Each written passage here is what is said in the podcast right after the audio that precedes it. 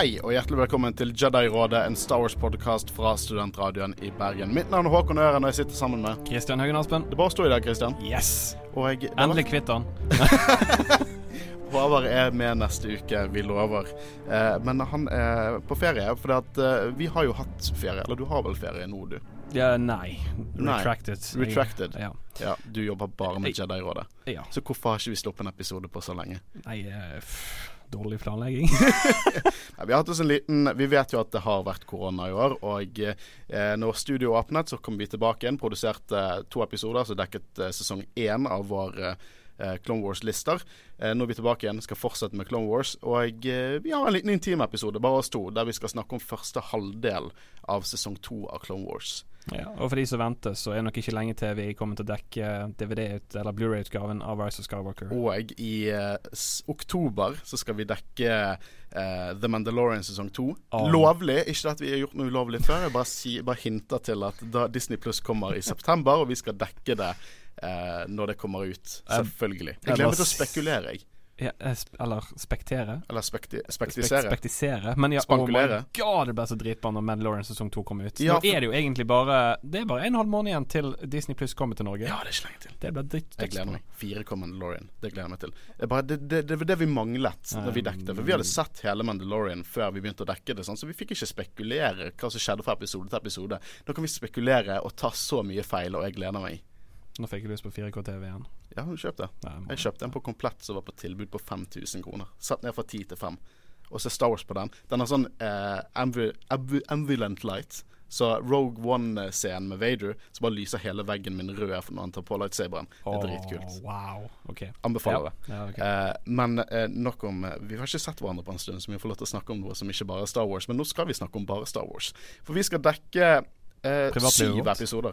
Syv episoder på Clone Wars. episoder. Det er ganske Ja. heftig. Men fra sesong to skal vi dekke episode fire, Senate Spy, episode fem, Landing at Point Rain, episode seks, Weapons Factory, episode syv, Legacy of Terror, episode åtte, Brain Invaders, og de fem episodene er én ark. Det er masse. Eh, vi skal også dekke episode ni, Grievous Intrigue, og episode ti, The Deserter. Eh, og dette to arks. Den lange, lange arken er så å si eh, blanding av spionintriger og eh, zombiefilm. Ja. Eh, og eh, ikke alle er like gode. Kanskje det er én eller faktisk to episoder for mye der de, hadde klart det på kortere tid. Men jeg liker veldig godt eh, eh, hva disse zombiefortellingene gjør for universet. Mm. Eh, og andre ark er en liten mini-ark med Grievous. Første episode er det ekstremt lite å si på, fordi at det er bare en typisk tidlig sesong Clone Wars-episode. Men det leder inn til noe som går litt dypere inn på det å være klone, og hvordan du kan føle deg som klone, og litt dette her eh, intrigene. Det er litt dypere under overflaten. Det vi liker å spekulere på våre vanlige podkaster. Men hva synes du om episodene våre, Christian? Nei, faen til søppel. Nei. Vet du hva, Eh, jeg, jeg, jeg vet at du, du, du, du, du, du, du kødder litt nå, men jeg har nettopp sett sesong syv på nytt igjen. Og det er vanskelig å gå tilbake igjen til de tidligere sesongene når du har sett sesong syv. Det spørs litt. Det er mange episoder fra 1-6 jeg eh, liker veldig godt. Ja så jeg er på høyde med sesong 7, men sesong 7 er jo totalt annet. det er bare annet. animasjonene og lyden og dialogen og bare cinematografien der. Det er nydelig. Det er to helt forskjellige budsjetter Ja, det er det. dette her. Og apropos budsjetter. Jeg eh, så på dette her, for jeg lurer på om budsjettene var veldig rart fordelt i de ulike arcsene, Og ulike episodene, for den saks skyld. Fordi at jeg føler at enkelte episodene ser bedre ut enn de andre. Men det kan jo også ha med at hvem det er som har skrevet eller styrt med episoden. Det er jo mange folk som har jobbet med dette, ikke bare Dave Filoni, som vi liker å si. Men Så det kan jo hende litt med sånn regissører, da. På, på en måte. Hvem det er det som har hatt kreativ kontroll på dette her. Men Nå har jeg ikke sett så mye på regissørene, men eh, har du peiling? Har John Favreau f.eks. regissert noe her? Nei, John Favreau har spilt. Eh, neste episode Eller neste Jedi-råd-episode, så skal vi faktisk dekke de episodene der han først begynner å bli med.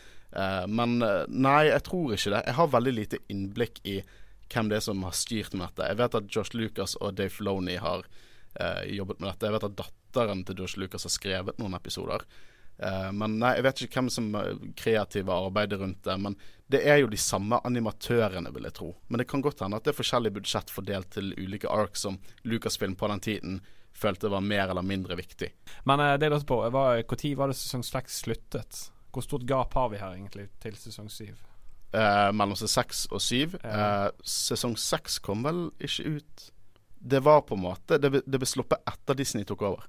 Så 2012-2013. Det, det, var etter Disney tok over? Det er leng, stort gap mellom sesong seks og sesong syv. Ja, for altså, teknologien har jo sikkert utviklet seg litt. Ja, ekstremt. Ja. De sier jo i Behind the Scenes at uh, med Clone Wars så var det i begynnelsen veldig sånn eksperimentelt, men jo lenger inn de kom eh, i serien, så klarte de å få det til å se bedre ut og koste mindre. Ja for jeg tenker også Disney har sikkert mye mer penger å bruke på dette her òg, egentlig. Ja, for dette her var egentlig bare sånn lite hjerteprosjekt til George Lucas til å begynne med, og så har det bare blitt en sånn kultting.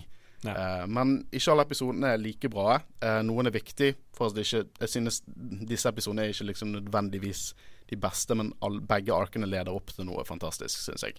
Mm. Uh, men uh, nå skal vi egentlig bare begynne å snakke om det. Uh, jeg advarer om at det kommer til å være spoilers om, fra episode 4, 5, 6, 7, 8, 9 og 10 fra sesong 2. Veldig grei rekkefølge. I de forrige episodene var det forskjellige sesonger i hele pakken. Vi går gjennom dette kronologisk. Ja. men stay tuned etter den lille pausen.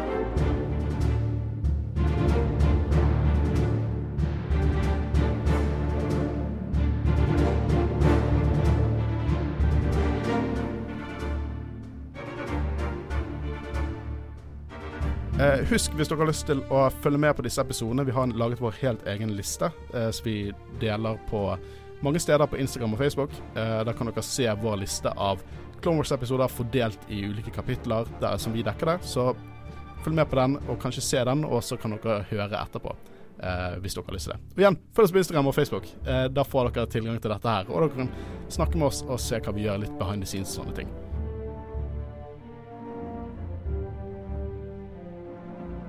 Første episode vi skal dekke nå, er episode fire fra sesong to. Eh, Senate Spy. Eh, og hva, hva, synes du om denne episoden?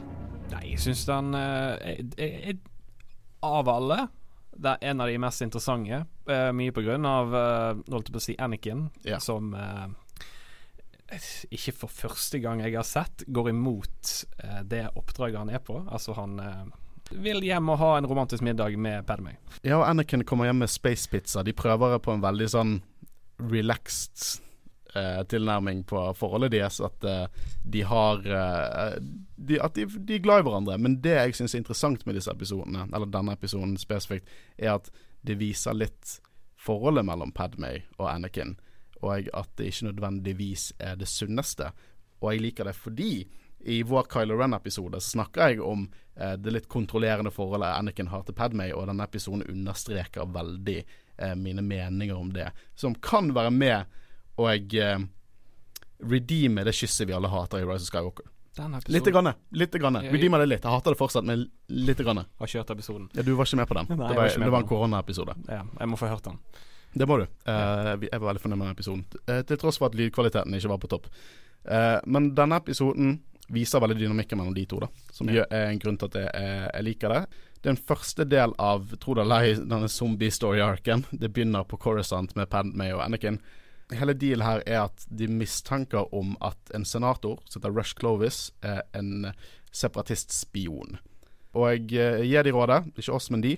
Den spøken må begynne å dø ut snart. De, send, de har lyst til å sende Padmay på dette oppdraget. Fordi at Padmay og Clovis har en fortid. Og det hinter veldig mye til at de har vært i et forhold sammen. Eh, og eh, Clovis i episoden har en sånn creepy eh, Den er ganske creepy mot Padmay. Man snakker alltid om deres vennskap, men det er helt klart et seksuelt forhold de har hatt. Men eh, Clone Wars er fortsatt litt i begynnelsesperioden der de ikke helt tør å gå ut og faktisk si det, men du vet helt klart det er det det handler om.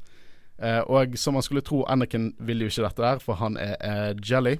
Men det jeg syns var interessant, er jo det at Jedi-rådet sier ikke til Padmay at hun skal spionere på han. De bare setter de opp på assignment, og hva er det de håper på? At han, hun bare skal oppdage at han er en spion? Er ikke det Jedi-rådet gjør så mye shady i denne serien. De ja. sier ikke til henne hva jobben hennes er, at hun skal spionere. Det er Anakin som kommer og sier 'du får ikke lov til å dra fordi jeg sier det'. Uh, og så kommer det fram at Jedi-rådet vil at uh, hun skal spionere på han. Og Når Padmay, patrioten som hun er, eh, finner ut at hun kan hjelpe republikken og mot separatistene, så blir, skal jo hun med på det. Men jeg tror det er enda mer fordi at Anakin sier nei, da må hun si ja. Som viser at de har et litt usunt forhold. Eh, Padmay er også veldig bitter på Anakin, eh, fordi at Anakin har så dårlig tid, for han må hjelpe rådet og sånne ting, og de, de har lyst til å eh, være sammen. Eh, begge er veldig umodne, syns jeg. I denne, liksom, de gifter seg i hemmelighet. Begge I hvert fall Anakin har ikke lov. Uh, en, uh, Padme er jo fullt og helt med på dette forholdet, og har de egentlig råd til å være så bitre over den dealen de har gått inn på, som begge vet liksom omfanget om? Selvfølgelig kommer ikke de til å kunne være sammen hele tiden. Nei, det er jo veldig sånn risky i forhold til uh, at Jedi-rådet finner ut, holdt jeg på å si. Uh, og med tanke på uh, at hun er en senator. Ja. For det, de snakker jo om det i filmene, at hun kanskje ikke får lov til å være en senator hvis hun er, er med i dette. En annen interessant ting er jo Vi får jo se at Obi-Wan er en del av rådet allerede. Eh, og jeg, han, for det, han er jo med i rådet eh, i Revenge. Men jeg skulle gjerne sett en story arc som gikk inn på når han fikk den quote unquote jobben. Det er jo en ganske stor ting fra å gå fra en mester til å være en del av, av rådet. Jeg syns det var litt merkelig at, uh, altså at vi ser at Obi-Wan er med i rådet i episode tre Uh, sett bort fra Clone Wars-serien, men så er Anakin òg medlem av rådet i episode tre. Mm, han har ikke tittel mester, da. Nei, det er, det er sant. How can you be part of a council and not be a master? Nettopp. Han er så whiny i den filmen. Uh, Like whiny. Så Clovis og Padme skal ha en sånn date, rett og slett. Uh, og det ender med at Clovis inviterer Padme med til eh, Kato Nemodia for å gjøre en avtale med The Trade Federation. Eh, og eh, Padmay sier at hun har lenge ønsket å på en måte inngå noen avtaler med de, så hun tar, blir med som et eh, skalkeskjul. da uh, Og det er her de begynner å hinte til det forholdet de hadde tidligere, og Clovis sier sånn Vennskap, og jeg håper det blir bedre enn forrige gang, og så zoomer de inn på det creepy trynet hans. Anakin joiner som sånn undercover uh, pilot for å være med på dette. Og dette er en, en god liten sånn law-forklaring fordi at det er veldig enkelt å tenke at Trade Federation, Banking Clan og alt dette her er separatistene. Men det er ikke sant. Det er individer inne i disse selskapene som er med separatistene, men det betyr ikke at selve selskapet er inne i separatistene. Sånn som Banking Clan er veldig mye paralleller til f.eks. The Iron Bank i Game of Thrones. Det er på en måte en nøytral part i galaksen, eller det skal egentlig være det. Du kan kalle de for uh, independent contractors. Ja, de, de, er, de, er, de er the, the Swiss Liksom, de holder separatist-gull. Ja. Jeg prøvde å trekke paralleller til historie, det gikk ikke. Men Jeg burde jo klart den, jeg har tatt bachelorgrad i historie. ja, jeg er bare en infoviter her. Men uh, de, dealer er at he hele grunnen til at rådet har lyst til å sende Padmay med spion, er at de mistenker at han har en Clovis altså har en avtale med The Banking Clan og uh, The Trade Federation, som involverer liksom planer for separatistene. Og det viser seg at ja, de har en avtale, og de skal lage en ny droidefabrikk på Genosis. Uh, og det hele dealer å få profitt av å selge droider til separatistene. Vi får også se Captain Typho fra uh, Attack of the Clones. han er faktisk med i denne episoden, han med eyepatchen, som ikke er Captain Panaka fra episode 1, som de ofte blir mikset opp sammen. Og de, når de kommer til Captain Nomodia, så har jo Clovis et møte med disse andre bad guysene sine, og det er Lot Dodd, veldig bra navn, og Poggle the Lesser. Poggle the Lesser kjenner vi igjen fra Attack of the Clones og Revenge. Og de skal som sagt lage denne droidefabrikken, da.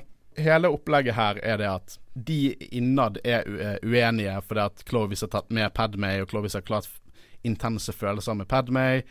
Og så begynner Lottodd at han skal utpresse Clovis ved å forgifte Padmay, og det skjer. Og så ender det med at hun holder på å dø. Og så må Clovis og Anakin jobbe sammen for å få motgiften. Uh, og Clovis er frem og tilbake. Først er han sånn 'Å, du får motgiften hvis jeg får tilbake noen filer som Padmay har stjålet om disse droidefabrikkene'. Og så etterpå sier han 'Å, jeg elsker henne, og jeg er så bekymret for henne', men han, like gjerne, han vil like gjerne utpresse henne. Så Clovis er en shady dude. Så Clovis Anakin press, utpresser Lottod uh, for å liksom få motgiften, siden de har filer som de kan vise til republikken. Uh, og hele greien ender med at Anakin tar filer sjøl for å gi det til republikken, og ikke gi det tilbake til Clovis. Og Clovis er liksom til nåden til separatistene, da.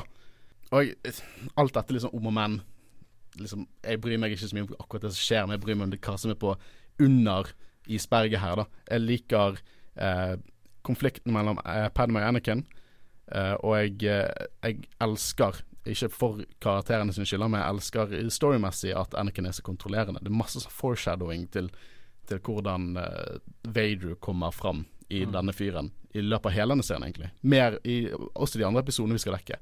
Så jeg synes det er interessant hvordan de går inn på det. Den konflikten, den kontrollerende eh, forholdet Anakin har til liksom, å være i et forhold. Det er jo forståelig nesten fra et visst eh, standpunkt hvordan en Jedi som gjennom hele sitt liv ikke har fått lov å gjøre ditt og ikke fått lov til å gjøre datt, blir superkontrollerende når han først kommer i et sånt forhold han egentlig ikke skal være i. Jeg bare synes det er veldig kult. Det, det, det, bare, det gir meg mer troverdighet til at Anakin faktisk blir Vader i sånne, sånne historier som dette. Uh, jo, jeg er enig med deg. Uh, jeg kom til å tenke på veldig når du snakket nå om én episode som vi sikkert kommer til å dekke om en stund. Og det er den episoden når Anakin på en måte får se sin egen framtid i vinsjoner. Ja. Uh, og det er jo det jeg elsker, for at hvis du bare ser filmene, så føler du for mye mer ut av å se serien og se at Anakin på en måte blir mer og mer Wader i forhold til bare å se filmene. Jeg merker altså oss som Star Wars-fan, som blodhardbarka Star Wars-fan, sant jeg syns det er interessant, for det er kjæresten min hun, hun, har jo nettopp sett Clone Wars ferdig nå. Kjæresten min har sett mer Kennan-materiale enn Håvard har. Men i hvert fall uh, Og hun har jo ikke hatt noe mer innsikt i universet før nylig. Uh, og hun sa sjøl at Clone Wars har gitt henne mye mer Hun liker prequelsene mye mer etter hun har sett det. Hun skjønner hvor, hvor, hvor Anakin kommer fra. Du trenger ikke nødvendigvis være enig med hvor Anakin kommer fra, men du skjønner hvor han kommer fra. Jeg tror det er det viktigste i storytellingen. Så jeg synes at denne episoden er veldig vellykket på det, da, som ja. prequel. Uh, men vi har mange episoder å gå gjennom. Uh, nå har vi oppfølgeren til denne, som er episode fem fra sesong to, 'Landing at Point Rain'. Og dette er en actionepisode. Det er andre kampen over Geonosis. eh, for at uh, Poggle the Lesser har jo gått i effekt og bygget denne droidefabrikken som vi snakket om i forrige episode. Eh, og det er invasjon fra av republikken. Og det jeg liker, er at det andre kampen over Geonosis eh, Det er veldig sånn eh, Vår historie kamper og sånn. Ofte når du søker opp eh, enkelte kamper i historien, så er det ofte det har vært flere forskjellige kamper i forskjellige tidspunkt i historien, fordi det er naturlig taktisk punkt å, å slåss om. Uh, og da liker jeg at det har vært to kamper i Geonosis. Uh, hvis jeg skal tenke meter, så invaderer de Geonosis fordi at de er så ikoniske til filmene, og de vil ha en unnskyldning til å reise de tilbake igjen. Eh, men det som er rart, er at hvorfor har ikke republikken hatt militær kontroll over Geonosis etter Attack of the Clones? Jeg har ingen god forklaring. Nei, ikke jeg heller. Eh, kanskje de burde det. Uh, det er jo en rase med Geonosians. Geonosians, uh, som vi også går mye inn på, den rasen som er de i denne story-arken, er jo så å si arbeidsmaur de dør og dreper hverandre hvis de ikke arbeider. Så det er jo en utmerket sted å ha droidefabrikker, og det er en utmerket sted til å produsere uh, Death Star, som de også gjør. Fordi at disse droidene, nei, Genosians, bare takler ikke å ikke arbeide. Og det er en del av en hive mind til dronningen, som vi også kommer til å gå inn på i denne arken. Eh, men denne første episoden av, um, av denne denne trioen med Geonosis-episoder, da har vi også Kid, Kia de Mundi som, som B-Jedi-karakter, også veldig kjent fra filmene. Det er jo eh, Jedien med stort hode og julenisseskjegg. Uh, og jeg, uh, jeg, liker det at de gjør det. For det første no, vi har flere sånne B-karakterer, kjente, ganske relativt ikoniske sidekarakterer fra filmene, som er med i disse, disse episodene nå. og jeg, sammen med Anakin, Obi-Wan og Soka så begynner invasjonen. invasjon. Um, de planlegger jo først invasjonen sammen med Palpatine og deler av rådet, eh, og de finner ut at det er skjold rundt fabrikken, og de rett og slett må ned og um, ta ut en sånn festning der nede med masse kanoner, og så bevege seg mot skjoldet rundt fabrikken. Og vi får litt sånn eh, bakgrunnsinformasjon. Cody var visst ikke med i, under Attack of the Clones. Det var før hans tid. Eh, for det har jo vært teorier om at det er en, droid, det er en clone commander i Attack of the Clones eh, som har sånn eh, gul eh, merker på rustningen sin, og folk har tenkt at det var Cody. Det er altså ikke Cody. Eh, vi snakket litt om han i Attack of the Clones-episoden vår. Jeg husker ikke hva navnet hans var, så jeg har ikke det i hodet mitt, men det er ikke Cody i hvert fall, og det får vi vite her. Kanskje det er Brody. Kanskje det er Brody. Uh, det er veldig Band of Brothers-episode, dette her. Ja. Sånn klone som uh, er inne på sånne dropships, og det ser veldig bra ut, og jeg, jeg, jeg, jeg syns det, det, er veldig det er kult. Det eneste er at jeg merker i disse tidligere episodene at de ikke helt har forstått forstått pacingen når det gjelder kamper og sånn. Det er liksom typisk at en Jedi hopper inn og bare deflekter skudd, og så mhm. står de der liksom litt for lenge alltid. Det er en liten ting som irriterte meg. Men det er sesong syv som ødelegger meg. For der er det perfekt. De vet hvor lenge kampene skal være før det blir dialog, før det på en måte blir uh, story point. Sant? Uh, men det ser veldig bra ut, og jeg liker den episoden for hva det er. Det er bare ikke så sinnssykt mye å si på den. Um, annet enn at uh, Kiadi Mundi og Anniken har på en måte en sånn story arc om respekt her. Yularen, uh, han har vi snakket om. Det er jo han uh, admiralen med, med Anakin. Han forklarer jo at dette er en planet invasjon av hele planeten, og derfor kan ikke de drive og fordele styrker, for da blir det linjer tynne og sånn. Så det gir veldig mening, og det forklarer hvorfor enkelte av problemene som skjer i denne episoden, ikke kan bare bli løst med flere kloner, eh, som jeg setter pris på. Jeg syns det er eh, god storytelling. Som, det, var, det var han med den barten, var ikke Han med barten. Han, han som barten. dør på Death Star. Han er med i New Hope også. Vi snakket litt om han eh, Wolf Yularen. Jeg tror det er det jeg husker best fra barten. ja, han har en bart. Han har en snedig bart. Han, han har en keiserlig bart, og Veldig. det virker som han har introen til alle episodene i, i, i Clone Wars. Eh, så Anakin og Asoka de på en måte styrter og er rett inn i eh, kampen. De beveger seg mot festningen, mens Obi-Wan sitt crew de på en måte styrter, og det går ikke så bra. De er midt inne i enemy lines, det er skader, og de må bli reddet, rett og slett. Eh, jeg liker også masse av disse spesial klonene som er her. Veldig sånn eh, Geonosis-fargekamuflasje. Og man ser også det at de er veldig inspirert av Macquarie-konseptkunsten eh, til uh, Star Wars. Hvor du ser noen av de eh, Det ser nesten ut som Snowtroopers. De har sånne lange skjørt og kamera, tror jeg det heter. Og de ser veldig ut som hvordan McQuarrie tenkte at uh, Snowtrooper skulle se ut før Empire Strikes Back ble filmet. Uh, som også setter pris på at de tar sånne små referanser fra metaen rundt Star Wars. da um, Men, Altså Geonosis er òg Du har spilt Battlefront 2, sant? Det kan selvfølgelig Jeg Ja, okay, sorry, det var ikke meningen. Beklager. Nei, for Geonosis var en av favorittbarna mine fra det spillet. Og ja. jeg, kult å se action derfra i serie. Jeg husker, Det var så gøy, i hvert fall i Battlefront 1 fra sånn 2004. For ja. Da kunne du fly opp i de dropshipsene og ta med deg mange kloner, og så bare slippe de ned i nærheten av, uh, av fiendene. Mm. Ja, for det, har, det, Geonosis er en veldig ikonisk planet, syns jeg. Veldig. Jeg synes det, og jeg liker når Clone Wars går inn på det. I hvert fall på litt mytologien rundt det, sånn som disse episodene absolutt gjør det. Ja, Og så vil jeg bare påpeke én ting. Jeg uttalte det riktig. Du gjorde det? Pass på at vi ikke skal snakke om Coruscant, da. Coruscant? Keep going. Vi får se Boiler Waxer. Vi husker jo de fra eh, de, de tidligere episodene, når de uh, redder hun lille igjen. Uh, mm. Og de har på en måte også blitt ganske ikoniske i seg sjøl. Jeg bare syns det er gøy å se de. På en måte Kloner jeg kjenner igjen. Liksom B-kloner jeg kjenner igjen, er alltid gøy å se.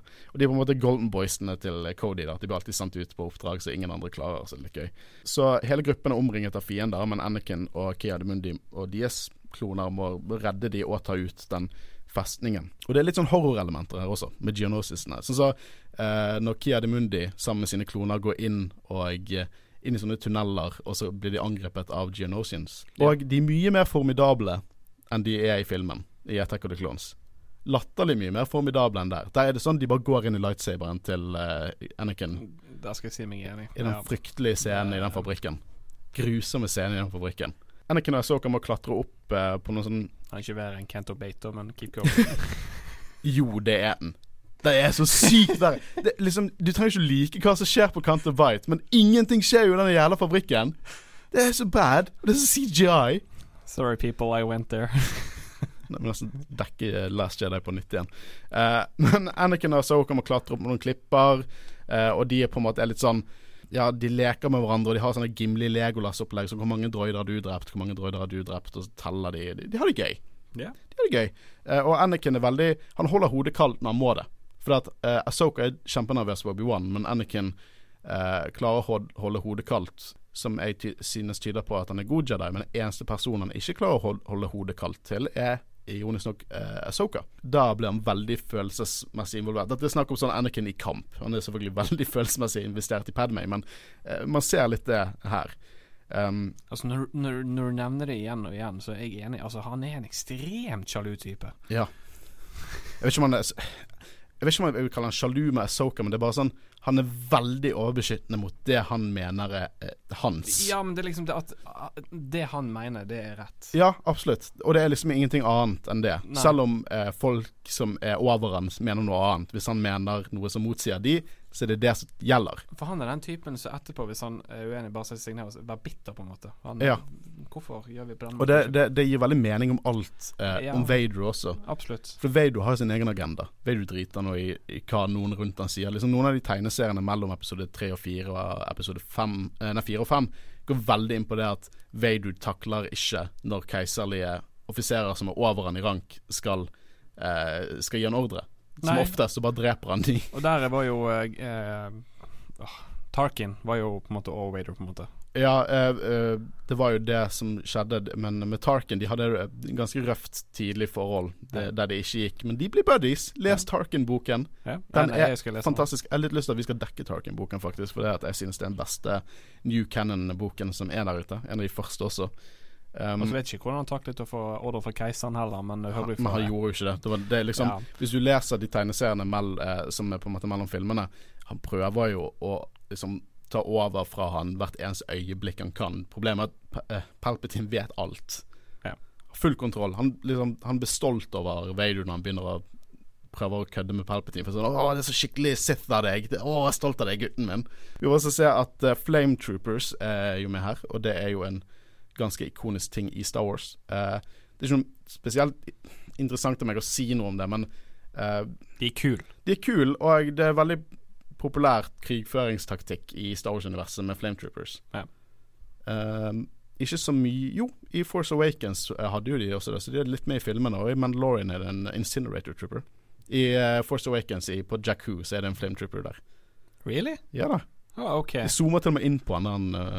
Ja, det, det, er Helt ærlig, den kan jeg faktisk ikke huske. Det, det er snart på tide å se de filmene på nytt igjen, vet du. 4. mai Ja, OK, da. En gang i løpet av høsten. Nå eh, blir jo endelig forsterkninger sendt av Yularen eh, i form av Y-Wings. Eh, og eh, Nei, og Skywalker kommer til Kenobi sin unnsetning, og det er liksom De tar ut denne muren, og det er noen kule scener der Rex blir sånn kastet ut, for han er der oppe sammen med de, blir kastet ut med force push av Asoka og Anakin. Asoka og Anakin sprenger muren, hopper ned, og så tar de imot en, uh, Rex. Rex er sånn 'Å, det ønsker du sa ifra til meg hver gang du gjorde det der'. Jeg liker forholdet mellom Rex og Anakin. Jeg, jeg bare synes det er et godt forhold. Og du ser hvor glad Anakin er i, i klonene sine, uh, og i kloner generelt. Og tror du det har noe med, uh, å si med denne kontrollen han skal ha? For kloner gjør det de blir uh, fortalt. Og han er veldig glad i droider òg, og droider gjør bokstavelig talt alt de er programmert til. Interesting. Ja, det er noe der. Ja, ja, ja absolutt. Og, ja, for det, jeg synes det er en interessant tanke. Han trenger å ha kontroll over alt. Med en gang han ikke har kontroll, så går det helvete på. Det, det er liksom sånn Hvis de sier 'yes sir' til han, da, han, da, da går det rett i hjertet på han. Ja, men det er jo til og med Vader i Tarkin-boken, mm. så har han en uh, For at, som sagt, Stormtroopers er ikke kloner. Eh, men noen kloner uh, ble Stormtroopers, og noen ble holdt i uh, liksom kamp over lengre tid. Og i Tarkin-boken som er satt før episode fire, så har Vader en Stormtroopers-sersjant som er en klone. Og han fucker opp hele tiden, den klonen.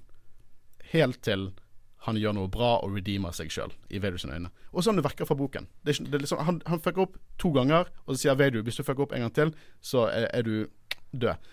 Eh, men så klarer han å gjøre jobben sin den tredje gangen, og så er han vekke fra boken. Og Vader bare sier 'Å, du har gjort det bra nå. Ha det bra. Du er ikke med i boken lenger'. Og Jeg tror at han er kun med i boken for å vise at Vader, som selvfølgelig er Anakin, fortsatt er glad i kloner. På grunn av dette. Han tror han er litt bitter for at han ikke får lov til å gi en pønn og slå dem i du liker pun punsene til Vader? Jeg elsker punsene ja, til Vader. Sant. Good, vi er enige om noe. Ja, ja, kom an. Altså, jeg husker når Rogue One uh, Mye kritikk på uh, chatloggen på nettet på YouTube. Uh, ah, George Lucas, puns, what the fuck. Uh, jeg bare elsket det når han strakk ut hånden sin og sa Don't choke on, Don't choke on your aspirations, director. Jeg bare jeg det. Det vet du. Jeg får goosebumps til de grader. Ja, men det er jo sånn som i Empire også. Apology accepted, Captain Nida. Mm. He's all about them puns, og han er en daddy. Ja, ja, og daddies can puns. Dead, dead puns. Ja, dead puns, og det er du også. Men jeg kan se meg enig der, for Anakin får eh, sikkert veldig mye boost i seg sjøl og eh, mye til seg når han på en måte gir kommandoer, og han hører bare 'yes, sir' for de der eh, Ja, soldatene. soldatene. Alt i prequelsene er jo det at han, ikke, han har ikke kontroll over noe. Liksom, sant? Han har ikke kontroll over å redde moren sin, han har ikke kontroll over å redde Padme. Og jeg tror, han sier også det at når han, har, når han er med et kjøretøy eller en droid, så kan han bare fikse det. det hans, han kan bare fikse det. Han snakker til og hvordan sånn politikk med Padme Attack of the Clones. Bare, du må få bare noen folk som på en måte kan si hva som er det beste, så må folk bare gjøre det. Mm. Sånn diktaturskap, rett og slett. Så jeg tror at der Anakin kommer fra, er rett og slett bare han må ha kontroll og kontrollere alt, og plutselig blir det liksom det, det røttene til noe verre i form av Darth Vader. Ja, og så har du òg i tillegg litt artig med at han fikk eh, Ashoka, så Jeg elsker at jeg sier av til Ashoka. Ashoka. Ashok. Men eh, det er litt artig å se parallellen der i forhold til at um, hun ikke alltid adlykte Anakin. Og Ja. det er liksom litt For hun så å si er jo. Hun er, ja, det er akkurat det. Hun er på en måte Anakin, og Anakin liker ikke du, ser, du ser at han blir litt frustrert over Ja, at hun bare gjør absolutt det hun vil, men det er jo på en måte akkurat det samme han gjør. Kanskje du tror der er noe av liksom det forholdet de har, at Anakin er så sykt glad i Asoka, bare fordi at han ser seg sjøl i henne. Ja, det er som å se seg selv i speilet, nesten. Ja, ja, bortsett fra at Asoka går jo en mye mer eh, moralsk vei enn det Anakin gjør. Men du ser også sånn eh, Mye av valgene som Asoka tar senere i serien, er ikke nødvendigvis de beste valgene, og det er veldig sånn Veldig eh, Veldig liksom Anakin sine røtter der inne. Til og med Mm. noe det Og så er det veldig artig å se Obi-Wan òg, for at jeg mener at uh, han i en episode har sagt at uh, you two are, At de to ligner på hverandre, på en måte. Ja. Uh, og det Du ser Ja, han kjenner ikke igjen det. Det er de som er en enhet på, nå. Når han smiler òg, og du ser det på uttrykket hans, at han ser at disse her har eh, veldig mye til felles. Ja, og jeg liker det. Jeg liker veldig godt Det gir mening at Anakin er mesteren til denne Padawanen, Mm. ut ifra hvordan de er i showet. Jeg syns det, det, det er bra. Det, det, liksom, det er god storytelling, og det blir bare bedre og bedre. Jeg, Ahsoka er garantert på min topp ti-liste av favorittkarakterer i Star Wars. Og det, er, det er så rart, for jeg hatet henne i begynnelsen. Men nå med det sånn ettertanken etter jeg har sett hvor hun kommer, så bare elsker jeg alt, alt, alt med det. Selv om det er på en måte Vi fortsatt i episodene der det er veldig kidshow til tider, eh, og litt to, eh, toneproblemer. Eh, men eh, jeg liker veldig godt de to. Eh, og det at hun eksisterer, gir mer dybde til Vader, syns jeg. Ja. Spesielt i Rebels. Og før, før vi fortsetter på episoden, nå vil jeg bare også si at hun skal jo være med i live action-serien Mandalorian nå til høsten, Mm. og det blir jo bare Det er det de sier. episk. Jeg vet ikke om det er offisielt, men det, jo, jo. det, det er offisielt. Ja. Ikke vær skeptiker nå. Men jeg tror, jeg tror det, det, blir nok en, det blir nok en mindre rolle enn det vi håper på, kanskje. Ja, OK, ikke full sesong. Halv sesong. Jeg tror hun blir med i én episode. Nei, nei. Jeg tror det er én Ikke si, episode. ikke si det. Garantert Nei. én episode med Asoka. Men det er ikke mye mer å si på denne episoden. Jeg har lyst til å snakke litt om Kia de Mundi. Eh, Han er veldig Jedi på mange måter. Eh, veldig rolig, kalkulert, ingen humor, eh, som han prøver å ha humor. Eh, litt arrogant, kanskje. Når en eh, av eh, klonene ønsker han lykke til, så sier han Oh, there's no such thing as luck. Eh, han er som en mindre jovial julenisse med en fivehead. Den var fin. Jeg har øvd på den. Eh, og han vinner ironisk nok konkurransen mellom Asoka og, eh, og Anakin, at han har dratt flest kloner. Og så spør han Anakin hva er det jeg vinner, og så sa- sier Anakin å, min respekt. Så det er litt dette her med at Anakin er all eh, fun and games, og de andre kan ha det litt gøy også. Ja. Det, det er liksom det. Jeg, liker Kea de Mundi. Mm. Og eh, sånne episoder som dette gjør at det enda vondere å se han dø i Revenge. Ja.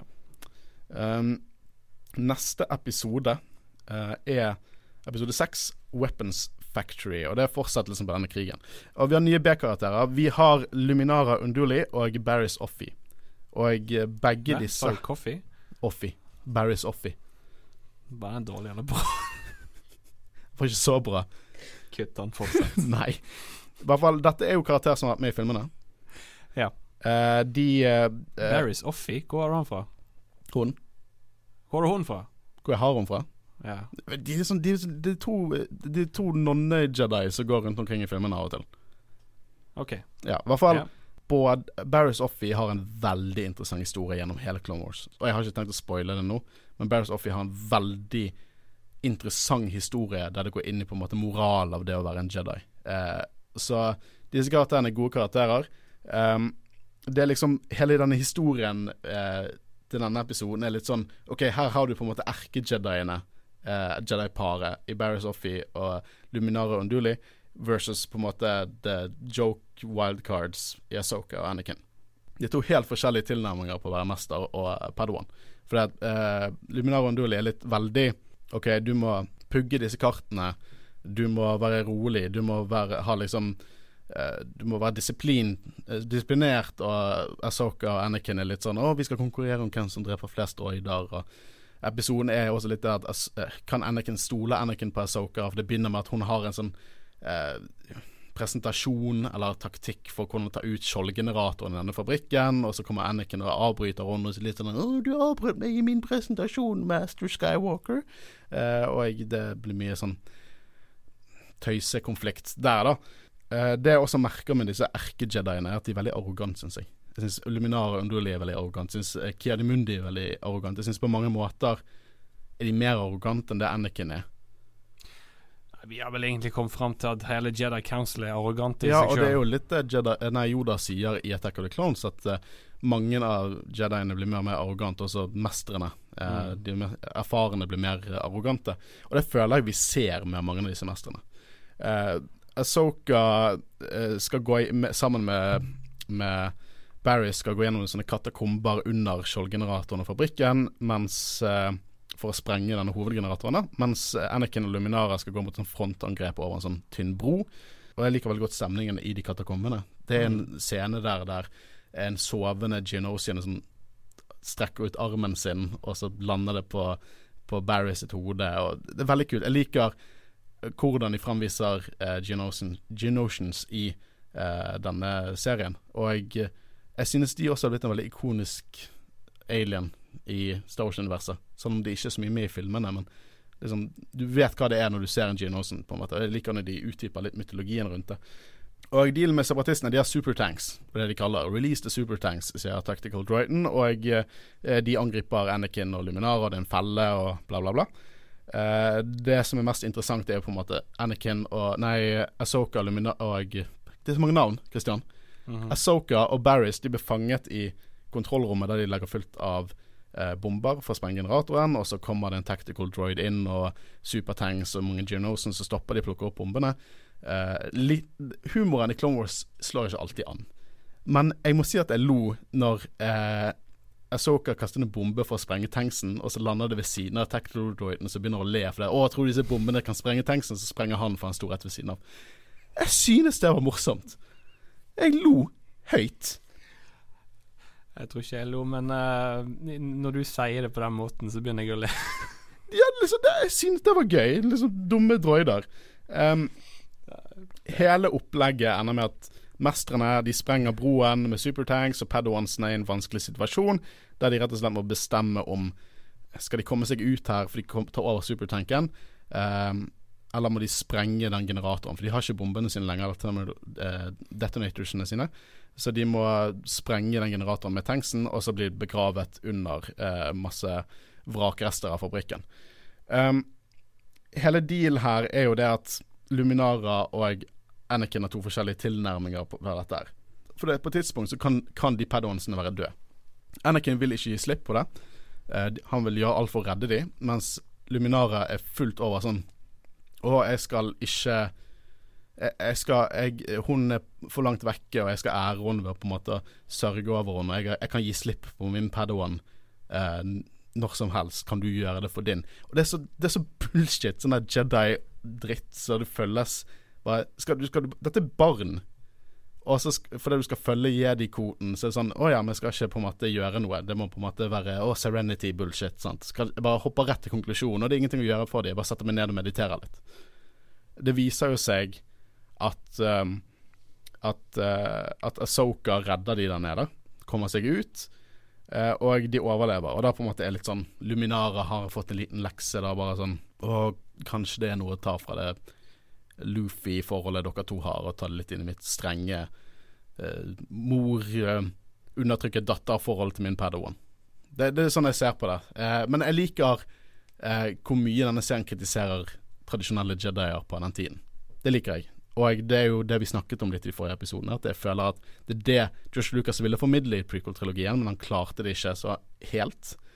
Men jeg føler han klarer det i denne serien, kanskje fordi at det andre eh, kreative sjeler rundt han i tillegg. Det var jo selvfølgelig masse det i prequelsene, men det var jo på en måte han som hadde det siste ordet. Men ga, han ga litt Han ga litt uh, uh, liksom, hva kalles det, ikke gaffel. Kreativ frihet? Kreativ frihet. Jeg skulle egentlig si tort, pass the torch on, men jeg klarer ikke norsk, tydeligvis. Gi fakkelen videre. ja, men dette er, dette er en sånn episode der det er, sånn, det er mye action og pang-pang, eh, men mm. jeg liker hva episoden sier om noen av disse forholdene de forskjellige karakterene har til hverandre.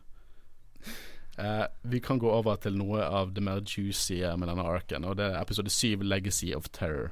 Nå begynner vi med the good shit, og der var en direkte sitat fra notatene mine. Her står det 'Her begynner vi på the good shit'. The good sit? Veldig bra. Eh, kanskje preppe litt mer til neste gang.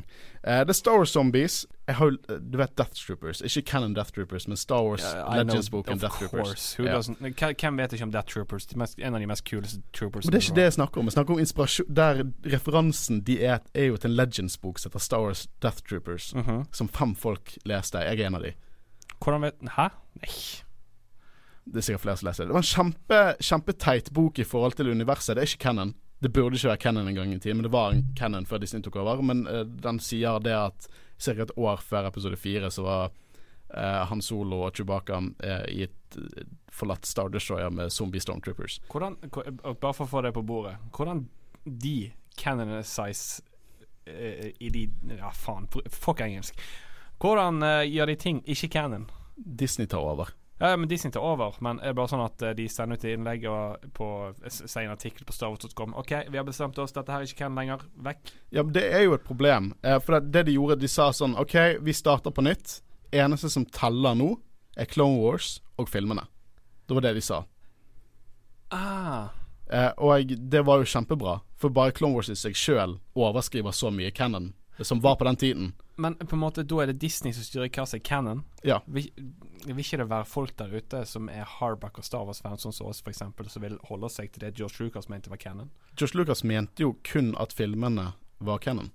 Han dret i hva annet som beskrevet. Han hadde en stor stempel der som 'approved'. Han visste ingenting om Han visste ikke noe om Mara Jade eller eh, Beskar Steel eller noe av dette her. Han dret i det.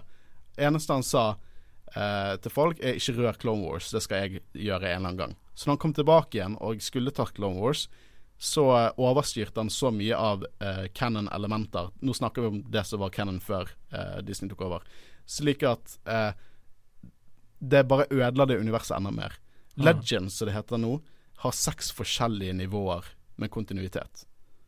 Så sånn, dette er canon hvis ikke det nivået over overskriver det. Det er canon hvis ikke det nivået over det overskriver det. Um, det er en, uh, en Jedi, uh, Shak Ti. Hun dør fem ganger i Legends. Forskjellige ganger på forskjellige tidspunkt. Kontinuitet er ikke en ting i Legends. Nei. Og jeg, det er litt derfor jeg ikke har lyst til å røre Legends i den podkasten. Vi kan godt gå gjennom Nei, nei, vi forholder oss til canon, det er jeg helt ja, enig i. Og det er det Disney gjorde som jeg synes var en positiv ting, at de holdt kontinuiteten. De tok en story group uh, med masse hardbarka-fans, in, uh, inkludert uh, Pablo Hidalgo skriver alle disse referansebøkene. Eh, og eh, rett og slett hadde kontroll på alt som skal være canon. Så i nåværende canon så det er lite som overstyrer er lite plot holes. Alt gir mening. Hvis du leser en tegneserie, så har det skjedd i samme univers som du ser i filmene, og det digger jeg. Men i hvert fall eh, begynte med denne Legends-boken, Death Troopers. For det, det, går jo inn på zombier og Star Wars, og der er det Hive Mind, og det går litt inn Det er litt sånn samme feels her, da, eh, føler jeg. Eh, og jeg liker produsentene leker litt med ulike filmsjangre. Litt zombie, litt aliens. Jeg liker det. Eh, og jeg merker at her er animasjonen mye bedre enn det var i de tidligere episodene. Mm -hmm. Jeg merker det. Og eh, det ironiske nå, Luminara Unduli hun er jo litt ukarakteristisk seg sjøl. Litt mer som Anakin ironisk nok etter den forrige episoden. og drar ut alene sammen med klonen Buzz i en storm for å jage etter Poggle the Lesser for å bringe justice. Mooney og Kenobi eh, Kiad Mooney han kommer jo tilbake, han var veldig skadet i uh, tidligere ark, men han kom tilbake nå rett ut av baktetanken. Og de er uenige eh, om hva de skal gjøre. De vil ikke at hun skal reise ut dit, men hun gjør det uansett. Veldig Anakin. Eh, jeg vil også kommentere at vi ser disse Acclimator Class tran Transgalactic Military Assault Ships Uh, det var de der Star Destroyer-esk-skipene som var slutten av Attack of the Clones. De har vært med i Clone Wars før, men aldri kommentert de noe særlig. Uh, det er ikke det samme som Venature-class Star Destroyer. Uh, for Venator er jo de typiske De har to sånne broer, røde og grå, som vi ser i Revenge of the Sith, blant annet. men jeg liker når du ser Republikken liksom sin på en måte tankegang når de produserer skip og sånn, går sakte, men sikkert over til The Empire. Jeg syns det er kule detaljer. Um, Commander Gree er med i disse episodene. Husker du Commander Gree? Han fikk hodet sitt kappet av Yoda i Revenge. Det har med sånn kamuflasjerustning. Uh, og alltid tenkt på at han er Yoda sin klone. For alle Jediene har jo sånn liten klone.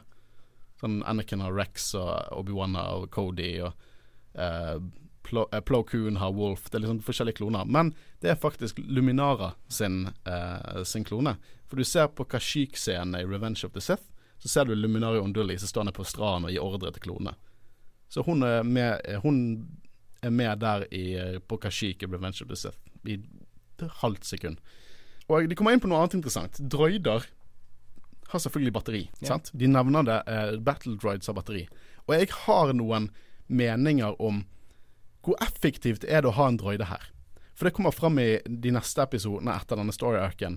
Hvor effektivt er det egentlig å ha en droide her? Og jeg vil ha en liten diskusjon med deg litt senere i episoden om hvor, hvor, hvor ikke, Kanskje det er bedre å faktisk ha en hær med kjøtt og blod. Og så har jeg noen kritikk mot eh, de... konstruksjonen av drøyene. Bare vent, bare vent. La det ruge litt i hodet ditt. Kommer vi okay. tilbake om ja. 20 minutter, sure. kanskje. De kommer til Progate Temple, eh, og der blir Luminara blir tatt eh, ned eh, i katakombene, og, drøy, og klonen hennes dør. Ikke Gree, altså, men Buzz. Eh, og dette får jo uh, Obi-Wan og de med seg, så de kommer videre, og de går ned. Og nå får vi på en måte litt vite om hvor Geonosians kommer fra. For som vi har nevnt, at de er liksom maur, eh, og de har en dronning som styrer alt. Eh, The Carina the Great heter denne dronningen. Og Anakin nevner liksom hvor skitten denne planeten er, og hvor mye han ikke liker den planeten. Og ironisk nok er det Vader som dreper den siste dronningen i mellom episode, episode fire og fem. Så kommer han tilbake igjen og dreper den siste dronningen. Og Imperiet eh, prøver å drepe hele rasen etter uh, Death Star er bygget. Så Vader sjøl, alene, dreper alle sjanser denne planeten har. Og Anakin liker ikke planeten nå, som jeg synes er litt ironisk. Eh, de finner jo også ut at eh, det er zombier her. At det er en hive mind. At eh, de Genosian soldater kommer tilbake igjen i, etter de er dødd. Og jeg, uh, jeg hater at Anakin sier That can't be true. That's impossible.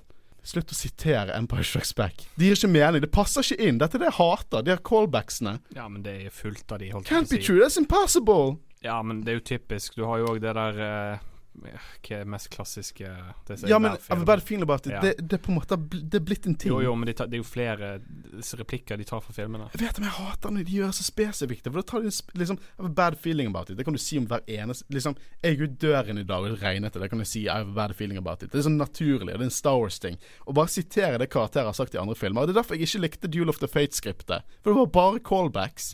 Sånn, ja. Kylo Ren bare siterte Count Dooku på et tidspunkt. Hvorfor, Hvorfor gjorde han det? Fordi han kunne. Vi har hørt det før. Det er ikke ikonisk engang. Jeg skal innrømme at det skriptet det var ganske interessant i forhold til at uh, du får mer ut av eh, både Kylo i forhold til Luke, eh, med at de møtes. men ikke glem at det var first draft. Det er first draft, og det må jeg ha i hodet mitt. Men det var vanskelig å lese det. Ja. Dette var flere Dark Cybers. De sa sånn alle Nights of Ren bare hadde Dark Cybers. Er Dark Sabers finnes ikke. The Dark Saber finnes. God damn it, Colin Trevorrow har kontroll på Ken. Jeg vet hva, Det var en del kule Ken-referanser i den, det skriftet, det skal jeg si. Som sagt, eh, konklusjonen i denne episoden er så å si det at jeg synes Rise of Skywalker er bedre enn skriptet, men kombinerer elementer, så du har hatt en veldig eh, optimal Star Wars-film. Um, Luminara blir jo tatt dronningen. Eh, veldig aliens, eh, med stor sånn eggsekk under, og produserer disse små ormene som eh, går inn i døde soldater, og levende for den saks skyld, og tar over sinnet deres. Eh, Uh, og det her Anakin snakker om denne råtne planeten. Um, Obi-Wan bruker faktisk ordet zombie. Så ordet zombie, konseptet zombie, er canon i Star Wars-universet. Som jeg syns er litt interessant. Uh, du vet, det er de Bradley Baker som har stemmen til dronningen. Samme som har stemmen til klonene. Hmm. Og det høres helt annerledes ut. Um, men hun driver sånn at hun skal kontrollere Jedi, med disse ormene, og så blir det veldig sånn der uh, Luminara holdes fast, og uh, det kommer noen Genosen som tar disse eggene opp til henne og skal ta over hjernen hennes, og nå har hun på en måte tre Jedier. Uh, og ironisk nok, i alle sånne type skrekkfilmer, sånne type zombier, virus, aliens-filmer, så er alltid en gal forsker som vil studere liksom dette, denne parasitten. Så jeg ikke har lyst til å drepe den. Minner meg veldig om Stargate-opplegg. Jeg har ikke noe sett den serien. Ikke sett Stargate. Nei, det er bare med i den.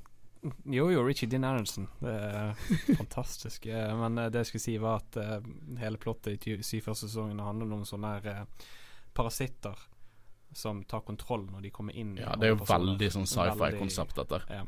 Men ironisk nok, den gale forskeren her er Obi-Wan. Han som har lyst til å studere denne parasitten.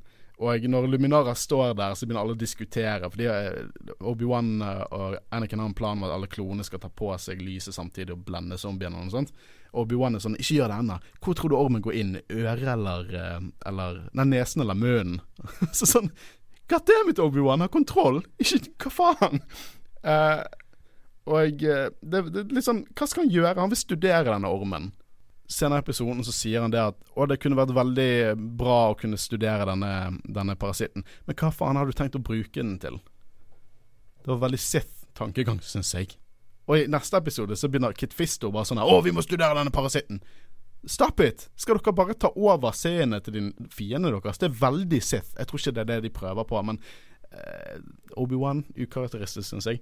Um, det ender med at de redder Luminara. Anakin dreper ormen, som Kenobi er så fascinert over.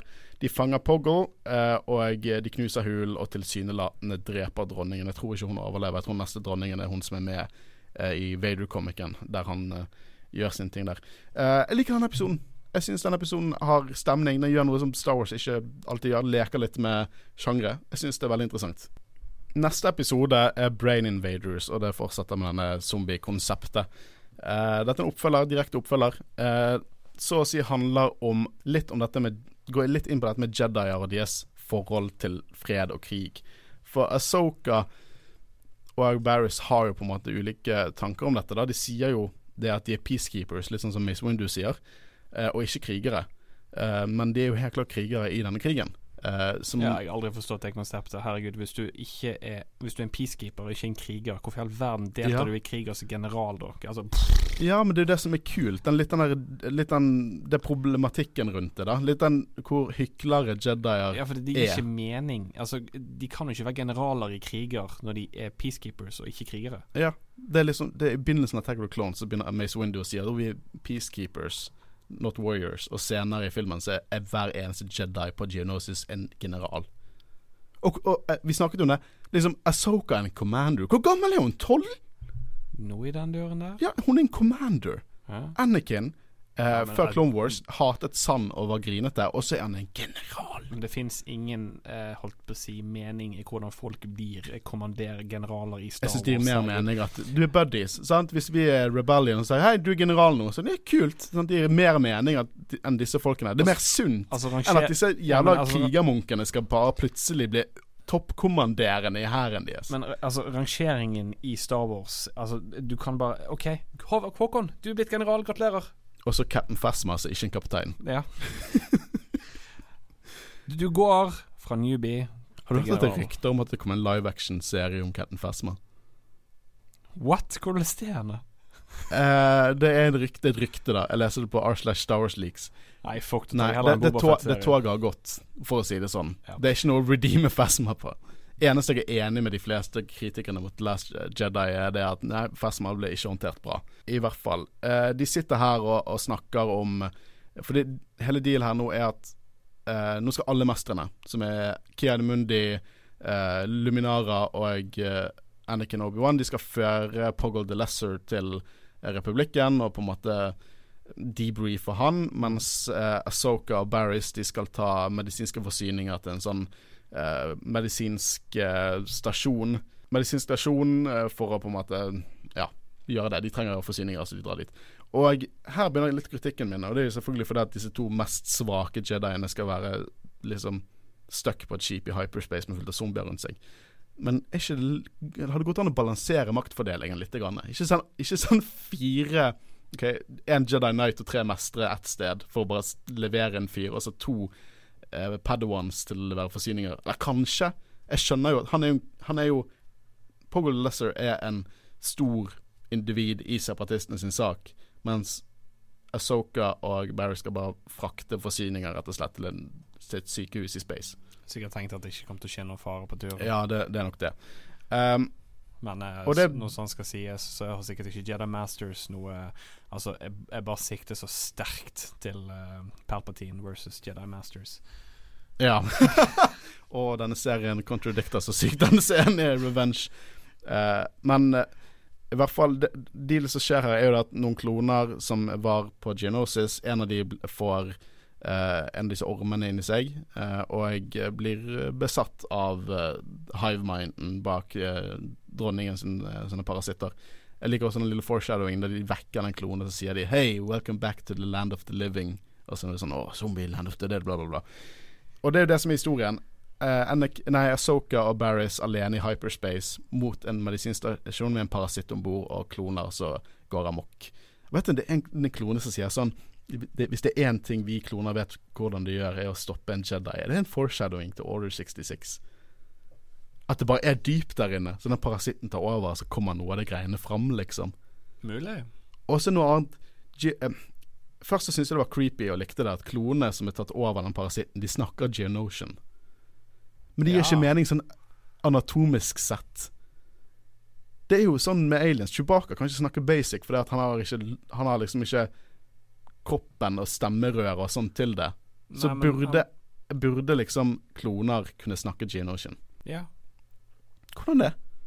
Ja, for de, de parasittene tar jo over. De, jeg vet det, men det endrer jo ikke på anatomien deres. Nei, men på en måte Det er vel bare det at han, han kan språket, så når han kommer inn, styrer, styre hjernen så ja, Men jeg kjøper, det, jeg kjøper det, at de kan det. Jeg kjøper at de kan det, jeg bare ja. kjøper ikke at de klarer å få de lydene ut av sin kropp, liksom. Å ja, sånn. Ja. Uh, OK, men nå går jeg Nå, nå, nå nerder jeg veldig hardt her. Nei, nå, nei men uh, ja det er, liksom, det er en ekstrem nitpick, men jeg vet ikke om jeg helt kjøper det. Um, så når mestrene merker jo det at uh, deres padoans ikke har sjekket inn, uh, og uh, da blir de bekymret. Anakin har lyst, og mestrene skal jo på en måte debriefe Poggle, da. og jeg digger liksom forholdet her Vi får litt mer forholdet til Rex og Anakin. Liksom sånn der Hold øynene nå. Men så bare Yes, sir. Det, de, de, er på en måte Det er et nært forhold mellom de to. Det liker jeg. Barris blir Fordi de deler seg opp. Eh, Asoka har kontaktet Anakin og de, og Barris blir tatt til fange av, av eh, og etter og blir på en måte besatt sjøl. Uh, og når Asoka snakker jo med Anakin, uh, og det forårsaker at Anakin skal gå etter Poggle for å finne ut hva dette her er. Og det er en fantastisk scene. Mm. For han kommer til denne, denne uh, fangehullet til Poggle og sier at vaktene skal gå vekk. Du hører Imperial March. Han går inn og begynner å prøve å mindtricke han, og så sier jo Geonosian på Gold Lesser at det funker ikke på min rase, og så bare begynner han å force-choke han mens Imperial March bare dundrer i bakgrunnen. Ja, det er en god forklaring på hvorfor det ikke fungerer på Geonosian-rasen. Uh, nei, det er litt sånn som med, med Watto sin rase, liksom. Det bare ja. funker ikke på dem. The Force, den type The Force, mental The Force, funker ikke på dem. Vet ikke om det er noen forklaring på det. Det er liksom bare deres anatomi går imot det. Jeg vet ikke. Uh, det, det, er en fin måte med, liksom forklare Ha denne type storytellingen og få Anakin til å gå full Vader på han. Og det digger jeg, for det er så mange sånne foreshadowing moments. Tidligere i episoden så snakker jeg liksom Asoka litt om at Ok, Anakin er ikke normal Jedi. For å si det sånn, Han gjør det som han mener må bli gjort, og så hører du litt sånn diskré Imperial March i bakgrunnen. Det er så mye foreshadowing til Vader i denne serien, og jeg digger det. Spesielt denne serien. Til og med når han går ned, ned og får møte sånn, sånn hendene bak på ryggen, litt sånn typisk Vader, og går inn og bare force-choker han. Det er dritkult. Han får informasjon ut. parasittene tåler ikke kulde. Soker tar på ventilasjonsanlegget. Hun vil jo ikke at denne parasitten skal ankomme en medisinstasjon, eller så kan det spre seg. Um, det er en kamp mellom hun og Barris, og når kulden kommer på, så eh, blir Barris litt snappa litt ut av det. Og um, hun ber Asoka om å drepe henne. Uh, noe Asoka ikke gjør, og klarer på en måte å løse saken. Da. Hun er senere litt sånn konfliktet. Da går vi litt inn på dette Jedi-reglene, om det er det beste. For hun sier det at OK, jeg reddet henne, men kanskje jeg ikke burde det. For det, konsekvensene kunne jo være det at mange hadde dødd av at jeg ikke drepte henne. Uh, og at det går imot the Jedi way. Og da er det på en måte litt sånn konflikten der, da. Uh, og jeg, jeg føler at Jediene er så sykt De er så sykt harde på reglene sine. Når du får hardt, så bare knekker du. Det, de, det er ikke bøyelig i det hele tatt, liksom. Og hun hadde sikkert Hvis hun var hvilken som helst annen apprentice, hadde hun sikkert drept Barris. Mm. Det, bare, men siden hun, er... siden hun er Anakin sin, så ville hun ikke gjøre det. Og jeg tror at Ja, vi snakker mye sånn egentlig negativt om Anakin, men han har compassion i seg. Han, liksom, han bryr seg, selv om han er kontrollerende. Og det lærer han til Asoka. Asoka tar det videre. Og jeg tror det er det som gjør at hun redder Barris istedenfor bare å drepe henne fordi, at, fordi du skal tenke logisk og eh, metodisk, og hva er det beste av to onder, liksom. Ja. Eh, og jeg liker det. Eh, jeg, synes, jeg liker eh, Jeg liker denne episoden. Jeg liker denne og den forrige episoden syns jeg var to veldig solide episoder. Ja. Og jeg liker hva de går inn på, og alt dette. Det, og jeg liker at de leker seg med sjangre. For det, det, den, dette var den uh, zombie-arken. Fem episoder. Det begynte med spy thriller, så gikk det over til Band of Brothers, så gikk det over til zombier og aliens. Så det er litt ja, en rollercoaster. Ja, ganske gøy. Uh, nå kommer jeg også til en episode jeg ikke er så stor fan av. Det er sånn typisk filler Clone Wars-episode, men det følger opp til en veldig bra episode, syns jeg. Uh, I hvert fall denne episoden vi skal snakke om nå, episode 9 fra sesong 2, The Grievous Intrigue. Uh, jeg syns alltid det er gøy å se Grievous, jeg. Jeg har blitt litt glad i Grievous. Ja, jeg digger han. Ja, men jeg har blitt litt glad i han. Sånn han, han, er på en måte Han er litt tragisk karakter. Ja. For han, han, ser veldig badass ut, mens Jediene sånn, De kommer til huset hans, dreper hønen hans. Uh, han har dårlig forhold til sjefen sin. Og så bare dør han i, i, i Revenge. Han bare prøver å være badass, men klarer ikke det. Der, når vi, når vi snakket om komiske innslag uh, for, uh, for litt siden, altså der er noe av det beste. Når han legger på den telefonen jeg dør av latter. ja, for du var ikke med på den episoden? Nei, jeg var med på én av dem. For at første episoden dere hadde der Han, han legger han på, på, tre ganger. Ja, for det var andre episoden. Den var jeg med på. Men han må jo Han er tøff. Fy fader, hvor tøff han er. Og liksom det, hele den dealen der med at uh, den episoden han snakker om sånn Jeg får jo bare battle droids. Hva faen forventer du? jeg, jeg synes Grievous er veldig underholdende, ja. uh, men kanskje ikke på den rette måten. Jeg tror ikke det er de originale designerne ville at mitt forhold til Grievous skal være, men jeg ser på han som en komisk, tragisk karakter. Ja, ja altså det er en veldig fin uh, si, skildring av karakteren. Veldig komisk og veldig tragisk. Ja, med en kul backstory. Ja. Uh, men Grievous uh, borda skipet til master Eth Koth. Uh, det er jo en Sabrak, faktisk. En Iridonian Sabrak, så ikke samme type Sabrak som uh, Maul, men samme på en måte overrase. da blir kult. Det er variasjoner mellom rasene på den måten. Mm eh, han var også med i Phantom Menace Attack of the Clones, og han blir drept av Vader mellom episode tre og fire. Det ser du i tegneseriene Dark Lord of the Sith. Skal ikke vi dekke de? Jo, vi skal dekke de. Ja. Vi skal dekke de. Um, han blir holdt til gissel, og Grievous sender melding til uh, rådet at han skal torturere han, og det gjør han, og skal drepe han og hele pakken. Uh, og han sender en hemmelig melding, da, uh, Master med koordinater til Salukumai, Salukumai, Salukumai, Salukumai, Salukumai. eh, og Ada Gallia Var ikke det Salukumai? Salukumai. Salukumai. Ja. Salukumai. Eh, Ada Gallia, Anakin og Kenobi samarbeider om å redde Koth og fange Grievous. Ada Gallia er også en, en Jedi som har vært med i filmene, som liker hvordan de tar inn disse uh, bakgrunnskarakterene og gir dem litt mer dybde. Ikke at Ada Gallia har veldig mye dybde i denne serien, da. Det er ikke like mye som Uh, som uh, Luminaro Undell og Unduli og uh, Kenny Mundi i forrige episode, men hun er nå med. Um, hele denne med hele denne episoden Det er liksom ingenting å si på det. De, de, hele dealen at de fanger Grievous Eller de tvinger Grievous ned på Salukmai-planeten, uh, det er oppbygging til en bedre episode. Det er det det er. Det er mye om og men, mye pang-pang-action. Det er det det er. Jeg, liksom, jeg har ikke noe innsikt å si på denne episoden, annet enn at den bygger opp til en bedre episode.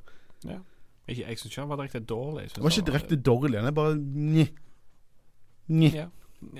Hvis du har noe bedre å si enn meg, så for all del. Jeg må si at når jeg, når jeg gikk gjennom denne episoden, så var jeg litt sånn OK, her er mine bare minimum cliff notes altså For min del uh, det, blir det samme. Så eh, Jeg skal ikke sette på samme høyde som uh, Geonosis-episoden, der du har battle hele, omtrent hele, men jeg syns det er underholdende. Lett underholdning. Ja, det er jo underholdende. Det er ikke det jeg sier. Jeg sier ikke at det er dårlig. Det er bare det, det altså, jeg har sånn ikke noe sånn der begeistrende Åh, oh, det skjedde i episoden, men jeg syns den er helt grei. Noen av, disse, noen av Clone Wars-episodene som er bare ren action, jeg, jeg, kan like det. Det er gøy å se på for alle. Det er bare 20 minutter. Men jeg, det kan ikke bare være ren action, og så kan det på en måte ikke være noe mer.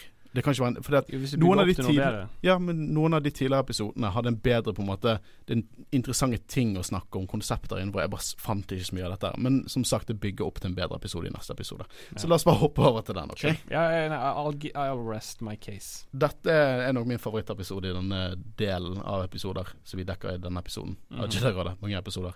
Uh, det er episode 10, uh, The Deserter. Vi er på Salakamai. Uh, vi husker det fra Revenge of the Seth. Eh, det er jo i den der lille killing-montasjen i Order 66, for der tar Commando Neo og dreper Stas Ellie der.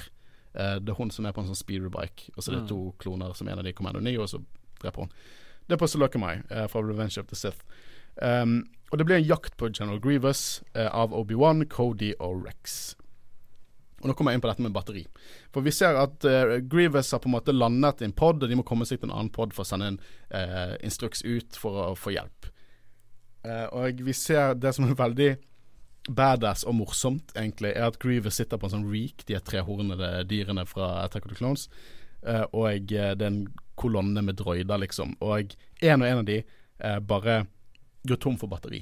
Og så tenker du OK, så hele eh, Nå går jeg inn på dette med kloner, nei, droider, og hvor effektive de er. For de er ikke effektive. Og alltid, det går fint. Det er akkurat det sovjetiske tenkt under andre verdenskrig. En av de skal ikke være bra, men tusenvis av de skal kjempe, være kjempebra. De skal storme de. Kennen understreker det. Det er det som er designet med de. De er ikke farlige alene, men mange av de er farlige. De krever batteri. Hvor mye strømkostnader går ikke det for å opprettholde den gjelda her? Sikkert ekstremt. Men så tenker du hvor mange Hvor mange må til eh, for å på en måte balansere makten mellom en Jedi og et par kloner, og hvor mange droider må til for å på en måte kunne slåss mot de. Fordi at i sesong syv Jeg spoiler ikke noe, men i sesong syv så tar Anakin og sier sånn Det er jo bare 1000 droider der. Det er jo ingenting. Hvor mye strømforsyninger må de ha til de 1000 droidene for å holde unna en liten gruppe kloner og noen Jedi? Og det, og det er ikke nok engang. Det kan ikke være mer kostnadseffektivt å holde liv i de drøytene enn å bare gi mat til hæren din. Kanskje de følger ordre, men de er jo ikke pålitelige i det hele tatt. Nei. Og det verste her nå Fordi at når de krasjer, så kommer liksom republikken med Anakin og Nei, med Obi-Wan og klone i, i hælen, og de bare finner en droide. Og bare sier OK, undersøk kodene, så, så finner vi liksom informasjon til å finne Grievous. Så hver gang en droid dør, så er det en sjanse for at de har instrukser i hodet sitt. For så at fienden kan plukke den opp og bare finne ut neste kampplanene. Men du kan jo forsvare det med eh, I forhold til at de er eh, driftsøkonomiske. Eh, Tenk hvis de dør, så kan de repareres. Ja, de kan det, men hvis de dør nær fienden, som er en ganske naturlig måte å dø på, og noen plukker opp hodet deres, så finner de alt de trenger der inne. Det er litt sånn det, Vet du hva, droidene er som kommunismen. Det er en fantastisk idé, det bare funker ikke. Ja. Det er det, det, er det droidene er. Eh, hele dealen her, kommandodroidene også. Da, og det, når vi snakker om kommandodroider, de skyter ned uh, Rex med sniper og en spotter, det er litt kult. Uh, og um, Jesse og Kix de uh, finner en nærliggende gård. og etterlater Rex der hos en veldig seksualisert uh, Twilex heter Sue. Og en av de sier De finner dyr, liksom. De finner ut at de dyrene er ikke ville dyr. De, de må ha på en måte vært nærheten av fall humanoids. Er dette, en, er dette forresten, bare før du fortsetter på det, er dette en helt teit tankegang med tanke på eh, Palpatine var jo på måte på begge sider. Separatistene og eh, Er du på drøytene nå, liksom? Ja. Separatistene og republikken. Kanskje han Ja, det kan godt hende. Kan, at han, han ville jo på en måte eh, starte denne konflikten, men i hovedsak ender det med republikks seier. Jeg, Så kan det på en måte være det at han, eh, det ble investert i droider fordi det var enklere å kvitte seg med. ja, det kan godt hende. Og Det er faktisk en ekstremt god tankegang, syns jeg. ja, Ja, men det er jo det, når du på en måte har en klonene er mye bedre investering. Ja, for det hele, hele, hele liksom Det eneste på en måte organiske soldatene hos separatistene, som er ikke som tredjepartssoldater, eh, soldater, sånn som Umbarans og sånn, Mm. det er jo generalene. Ja. Eh, så det er mye enklere å kvitte seg med flere hundre tusen millioner, flere millioner soldater hvis de ikke er levende. Ja. Det er jo Det er min headcanon nå. Ja. Du har definert min headcanon. Selvfølgelig er det derfor de bruker drøyder. Sånn at han enklere kan gå over til en empire med bare én hær som ikke slåss mot hverandre. Det hadde vært uendelig krig hvis de levde. Hvis droidene levde, så hadde det vært uendelig krig. Ja, det... Å, fy faen. Du er god. Det er derfor du er her. Jeg har mast mye, men når du sier den ene tingen, så slår det alt jeg har sagt. um, Rex blir i hvert fall etterlatt på denne gården, da. Uh, og skal på en måte hvile der, mens resten jakter på Grievous. Uh, og jeg liker uh, den veldig teite sitatet en av droidene, klonene, som sier Where the, Where's there's a farm, there's usually a farmer. Jeg bare kom på det akkurat før du sa det. Ah, men, det, det, da sitter jeg og ser på, TV, på serien, og nå bare beskriver jeg hva jeg gjør. Jeg tar hånda mi foran øynene mine. De er smarte, de klonene. Det det er derfor du betaler the big bucks til Caminoans. For da får du slik tankegang. Kreative, løsningsorienterte kloner. Jeg føler på en måte Det er ikke noe sitat Jo, det sitatet kan du faktisk ta fra en serie som heter Cæsar Miami. For det er at det hver gang eh, hovedkarakteren i den serien Så sier han noe sånn cheesy som det der. Tar han på seg solbrillene, og så begynner introen. Hva er det sånn klon tar på seg hjelm Sier det tar på seg hjelmen sånn uh! Ja, exactly. Altså Ja. Uh, så tett. Uh, ok, Men så hele plot-twisten her er jo det at det er en desertør, en klone, som heter Cut LaQuan. Fancy. Eh, som har fått to barn med en Twillac og kastet vekk seg rollen som soldat, og han bor her på en gård på Salukkemi. Salukkemi, Salukkemi, Salukkemi. Salukkemi. Eh, og vi får da innblikk i at Twillex kan ha, eh, ha barn med mennesker, som jeg syns gir mening. Eh, vi får også innblikk i at kloner er seksuelt aktive. Ja. Hvorfor gi de motivasjonene til sin konstruerte hær? Jeg ser ikke meningen. Hvis de fullt, først skal gå så umoralsk og klone, hvorfor gi de seksuelle følelser? Eller noe som helst der nede? De skulle sett ut som Ken. Alle sammen. Ken. Bare at han ikke var interessert i Barbie. Da hadde du hatt en effektiv klone her. Jeg angrer på at jeg sa dette. Jeg angrer på at jeg tok det med, men jeg synes det er en god, fin tanke. Det, liksom, det, liksom, det stikker hull på begge sider. Klone og drøydene. Um, vi får innblikk i sex I sex, det var ikke det jeg skulle si. vi får innblikk i Rex sine liksom følelser for å kjempe for republikken. Liksom, dette var et individ som klone. Uh, Cut mener jo at han har et valg, men Rex mener at, at man har ikke et valg for man har ansvar til republikken, som man allerede produsert for. Jeg føler det er litt par hull i logikken til Rex her, da. Uh, og Rex har noen tvil. Han snakker om at det er mulig at lederne har navn, eller oppmuntrer navn til klonene, bare sånn at de skal ha mer kontroll over hvem de leder og snakker med, at det ikke er snakk om på en måte å være individer. For det er jo det de går inn på, det er at Rex er ikke et tall, han er, han er Rex. Han er et individ.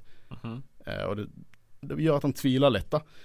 Um, Cut mener at de er totalt individer, og at han gjorde sin fulle rett å forlate republikken for å starte en familie. Hans rett som en levende organisme har lov til å gjøre det. Og jeg syns det er interessant. Og Jeg syns Rex er en fantastisk karakter som på en måte gir oss en gateway inn til det. Hvordan måtte det være å være klone? Sånne, sånne episoder som dette gjør at Order 66 i Revenge blir mye mer impactfull, syns jeg. Ja. Og jeg digger det. Rex argumenterer at han gjør jo det han ønsker. Han vil være en del av den viktigste del av galaktisk historie. Det høres hjernevasket ut, men siden det er Rex, så tror jeg litt på han. Jeg, jeg, tror at det er det Rex føler. Men han har selvfølgelig tanker rundt det, som gjør bare det til mye mer troverdig karakter. Jeg synes Rex er en fantastisk karakter. Grievous sender ut signal når de har nådd denne mistede podden, og de klargjør seg for kamp mot Kenobi og klone. Kampen fortsetter. Grievous slipper til slutt unna.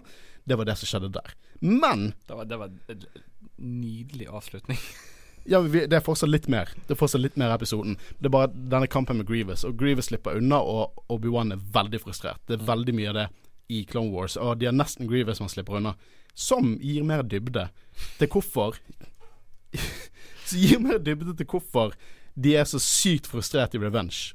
Ja. at de endelig kan fange han. Endelig. Og når, når Grievous bare sier 'I will deal with him myself', så blir Kenobi sånn Your move. Sånn overrasket. Og det gir mer dybde til den frustrasjonen, da. Ja. Og det er det de hinter til i filmen, at han har på en måte vært og terrorisert i mange år. De har aldri klart å fange han, men jeg, synes, jeg digger det. Det bare, gir, det bare understreker revenge enda mer. Hvorfor ler du av alt jeg sier? Fordi at Ja, for at jeg er midt inne i tankene på Robot Chicken og eh, de første 65 ordrene. du har ordre 66, ja ja, men hva faen var 1 til 65, da? Hvis dere er interessert, dere som lytter, så må dere gå på YouTube, søke på Robot Chicken, og så er det Palpatine som synger Order 61-65 Veldig gøy å høre på. men, men, ja, uh, ja, jeg, jeg, jeg, forventer at de fleste som lytter på, vet hva det er. Men hvis du der ute ikke har sett det, gå på YouTube og se det. Men, det er fantastisk. Det er helt fantastisk. Og vi snakker så mye om det at de må se det. ja, og så datt jo rett inn i hodet på meg. Så jeg fikk ikke sagt at Fnis jeg er en siste fem minuttene. Fnise de fem siste minuttene til jeg sikkert, men Jeg var veldig enig med det du sa. Ja, ja. jeg setter pris på det. Alltid glad når vi er enige. Mm -hmm. um, eh, under den samtalen som Rex hadde med, med Cut, da da sitter de og spiller Deja Reek, eller Holochess, som er en kul liten referanse. Eh, og Cut forklarer hvorfor han deserterte. da Han slåss i Genosis, altså i, i Attack of the Clones, og han mistet mange av brødrene sine og løpte for kamp, og han følte at livet hans ikke hadde mening, helt til han startet denne familien sin, og da betydde det plutselig noe. Og eh, det som avbryter dette, det er at disse to barna hans til Cut eh, vekker en, en separatistpod eh, som ligger i åkeren deres, og det kommer ut fullt av eh, kommandodroider som angriper familien. Det ender med at Rex hjelper med å slå de tilbake igjen. Uh, og på en måte Det er veldig kul action her. Jeg syns det er veldig kul action. Mm. Og det er dybde bak action, for jeg er redd for Jeg bryr meg om karakterene involvert. Liksom jeg er redd for sikkerheten deres. Yeah. Um, og det går bra. Dagen etter så skal Rex forlate gården, eh, og så sier på en måte hun konen da bare skal du eh, rapportere han til Republikken? Og så sier han sånn Ja, jeg må det, det er min duty, men jeg er så skadet at jeg kommer ikke til å huske noe. Så Rex har fått sympati for Cut og jeg, hans familie, og han kommer ikke til å rapportere han inn. Eh, han sier at han er desertør, men han er faen meg ikke feig. Nei. Og det gir jo bare mer dybde til Rex, for han har fått et innblikk som han kanskje ikke har fått alltid. Jeg at det begynte i noen av de tidligere episodene vi sa for noen episoder tilbake, eh, der vi hadde noen kloner som også hadde den tankegangen som Cut har, bare Cut er litt mer fredelig av seg. Og det gjør at Rex har Gjennom hele se sesongserien så begynner Rex å på en måte ha litt tanker, motstreifende tanker om krigen, om seg sjøl, om klonene, om identiteten til klonene. Det, eh, det, er jo litt sånn uh, i forhold til uh, de B-karakterene som du får se mest av i serien, for, og i likhet med de karakterene som du er kjent med fra før av. Jo mer du ser de, jo mer ønsker du at de ikke skal bli drept av, på en måte. Mm, absolutt. Og du bryr deg. Ja, og jeg syns det er et genistrek å ja, gi innblikk i mange kloner, men ha en hovedklone. For Rex er jo helt klart en hovedklone. Han er på en måte det største vinduet vi har inn til på en måte hvordan klone har det, og hvordan det føles å være en klone. Ja. Jeg synes det er fascinerende, jeg synes det er god storytelling. Jeg, jeg har sagt akkurat den setningen mange ganger. Uh, ja, som sagt, jeg tror alle skjønner at jeg liker denne episoden veldig godt. Uh, bare, liker du episoden, eller bare jatter du med? Jeg uh, bare jatter med, jeg. Men jo, jeg liker episoden, absolutt. jeg bare var veldig Sitter på telefonen, liksom Ja, jeg gjør det. For jeg prøvde å søke opp Rex, og det beste første som kom opp, var Tyrannosaurus Tyrannosaurus Rex. Ja, det, det, det er det For jeg, eh, jeg bare syns det Hårsveisen på disse her uh, klonene Rex har blond ja. buzzcut. det, det, er veldig sånne fancy cuts de har, de flesteparten av disse gjengene her. Det er jo det de gjør. Tatoveringer og hår, hårfrisyrer og øyefarge er på en måte måten å se, de, se hvem som er hvem på. da ja. Men må, Jeg skjønner jo hvorfor de gjør det. Men det, det, morsomme er jo det at det funker. Vi vet jo hvem er hvem. De, jeg føler at han Det er litt kult å se forskjellige fasonger. Forskjellige fasonger. Okay. Vel, det funker jo, og jeg, D. Badley Baker Jeg føler han, han, er flink. Han spiller jo så mange forskjellige karakterer av samme karakter, så å si, i denne serien. han klarer å legge forskjellig dybde inn på hver av de. Så små diskré persontrekk når han er i forhold til Rex og Cody og Wolf og alle disse forskjellige. Som jeg synes er virkelig noe å uh, applaudere, for å si det sånn. Ja. Hva synes du om disse syv episodene? For meg har det vært litt eh, berg-og-dal-bane. Jeg synes begge, begge, har avsluttet veldig sterkt, men begynt litt røft. Ja, der, der, kan jeg si meg enig, men uh, jeg, jeg, digger på en måte uh, Diagnosis å se uh, Diagnosis igjen. igjen. Jeg syns det er litt kult å ha den der zombiefaktoren òg i dette her. Veldig ikoniske episoder, syns jeg. Ja, ja, det er det. Uh, men selvfølgelig noen, noe er helt greit, noe er ganske fantastisk, ja. noe suger. Men uh, vi har gått inn i dybden på hva vi synes om dette. Men vi snakker om syv forskjellige episoder, så det er vanskelig å bare komme med en konklusjon sammenlagt over alltid. Men det jeg må si at jeg gleder meg helt enormt til de episodene vi skal dekke neste uke. Ja. Da, begynner, da, kommer vi inn Da kommer vi inn i, i, i kremen av iskremen. Da, da, kommer vi inn til Mandalorian-arken, som er noen av mine favoritt-arks. Og vi kommer inn i en uh, story-ark som jeg syns er under, uh, undervurdert. Det er Bobafett-arken. Det er tre episoder der vi får se unge Bobafett mellom episode to og tre. Uh, og hvor han kommer fra. og hvordan, hva er psyken hans etter alt dette som skjedde med faren hans, eller originalhosten, original. Han er jo klone av Jango Fett. Og jeg syns det er passende, for vi har ikke mye Kennan-materiale om Bobafett akkurat nå. og det er jo rykter om at han skal være med i Mandalorian sesong to. Det er ikke bekreftet, men det er rykter, og fra ganske sikre kilder. Så hva er vel bedre å ha en T-visor, Mando slash Bobafett spesial neste uke, der vi går litt inn hva som er bak hjelmen hans, og kanskje få litt innblikk i karakteriseringen eh, til Bobafett. Jeg gleder meg til det, og da skal Håvard være med også. Da er gjengen samlet igjen. Faen. Sorry. Yes, Håvard er tilbake. Yes. Det blir gøy. Eh, jeg må også si takk til alle dere som har vært tålmodige med oss når vi ikke har sluppet noen episoder nå i sommer. Eh, og jeg, eh, takk for dere, at dere følger oss og liker oss på Facebook og Instagram og sånn. Og til dere som ikke følger oss på Instagram eh, og Facebook, ta og gjør det. Vi, vi, vi har lagt ut en egen eh, liste, vår Jedi-rollens spesialiserte liste av Clone Wars, der vi tar de mest essensielle episodene, i vår mening. Eh, og Sånn at dere kan på en måte se de og, og høre på episodene uh, etter dere har sett de. De kanskje gir dere litt mer innsikt enn hvis dere bare hører eh, på dette uten å ha sett det. Men for all del, hør på det hvis du ikke har sett det heller. Det er bare glad for at dere hører på oss. Og vi kommer til å ha masse episoder å dekke av forskjellige ting dette semesteret. Vi kommer til å dekke Clone Wars, som sagt. vi kommer til å dekke Mandalorian sesong to. Vi kommer til å begynne å dekke Rebels. Eh, det er mye, mye å ta på her. Vi, jeg tror vi har planer ut et år til med eh, innhold, i hvert fall. Og så kommer det jo selvfølgelig Obi-Wan-serie. Det kommer en Cassie Cassidan? Cassidan, Cassian Andor, ja. ja den òg.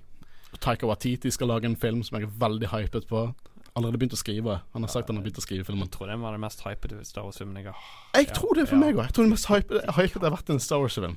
Det er vanskelig å undervurdere liksom, Det er lett å undervurdere hvor hypet det var for Force Awakens. Ja, den er helt fantastisk. Jeg, uh... Men bare, bare, bare, alt før Force Awakens Jeg elsker Force Awakens, men bare den jeg satte meg ned og bare visste at å, nå skal det snart se en Star Wars, ny Star Wars-film på kino. Det er mm. lett å undervurdere. Men hvis vi fortsetter å prate nå, så bare holder vi på i to timer til. Vi har vært Jedi-råd, en Star Wars-podkast. Mitt navn er Håkon Øren. Jeg har sittet sammen med Kristian Høgen Aspen. Vi snakkes neste uke. Ha det bra. Ha det bra.